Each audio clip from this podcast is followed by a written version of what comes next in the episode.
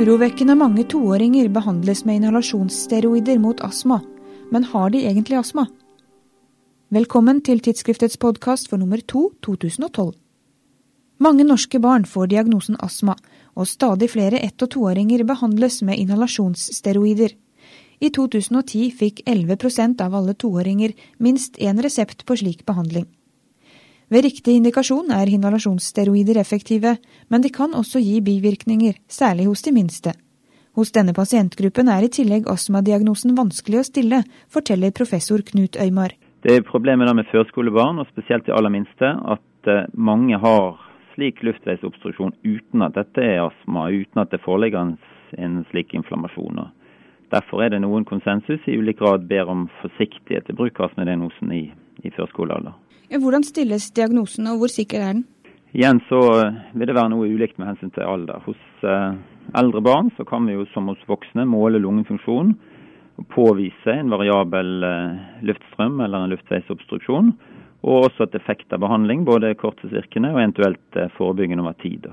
Og som vil også støttes opp om det er påvist allergi, og selvsagt at det er typiske symptomer ved, ved klinisk undersøkelse med, med, et obstruktivt pustemønster. Men uh, noen ganger så er det tvil også i denne alderen, fordi at symptomer og funn ikke er, er tydelige. I, uh, hos førskolebarn så uh, kan man i praksis ikke gjøre slike objektive undersøkelser. og Diagnosen må derfor baseres på klinisk undersøkelse og sykehistorie. Og jo yngre barna er, jo vanligere vil det være med symptomer som både kan være astma, eller mer forbigående symptomer som bare er da knyttet til de første få årene, og ikke viser seg å være en mer vedvarende astma.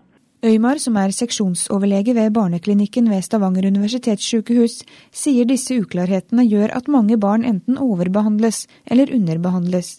I praksis så blir en del barn med astmadiagnose avdiagnostisert, eh, også i litt eldre aldersgrupper. Og ikke bare fordi de har vokst av sin astma, men fordi det har en annen eh, forklaring.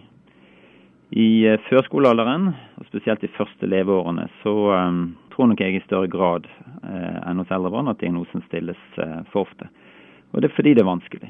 Men det kommer jo da bl.a. på hva en vil kalle astma. Når vil en definere symptomer som astma. Og jeg er nok mer opptatt av at barn ikke blir overbehandlet, enn at de blir overdiagnostisert.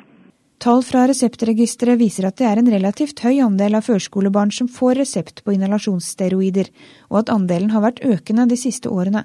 I 2010 så var det ca. 11% av alle toåringer som fikk minst én resept på inhalasjonssteroid. Og så er det avtagende nedover i aldersgruppen i, hos førskolebarn til ca. seks års femåringer.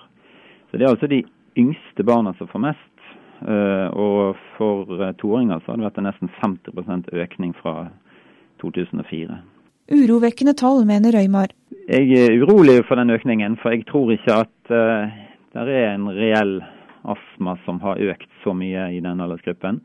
Det at det er mm, flest toåringer, og til dels ett til toåringer, som får behandling, kan tyde på at det i stor grad er barn med forbigående symptomer for, som, som, får behandling. Men skulle gjerne visst noe mer om uh, dette er kortvarige behandlinger, eller om det er mer kontinuerlig behandling.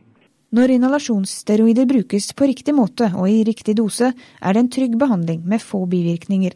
I alle fall for de største barna.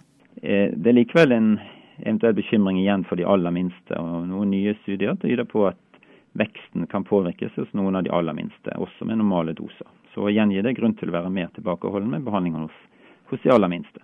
Uten en klar diagnose så bør da behandlingen stoppes dersom det ikke er effekt. Du kan lese mer om astma og behandling hos førskolebarn i Øymars artikkel i tidsskriftet nummer to. Jeg heter Eline Feiring. Takk for at du hørte på.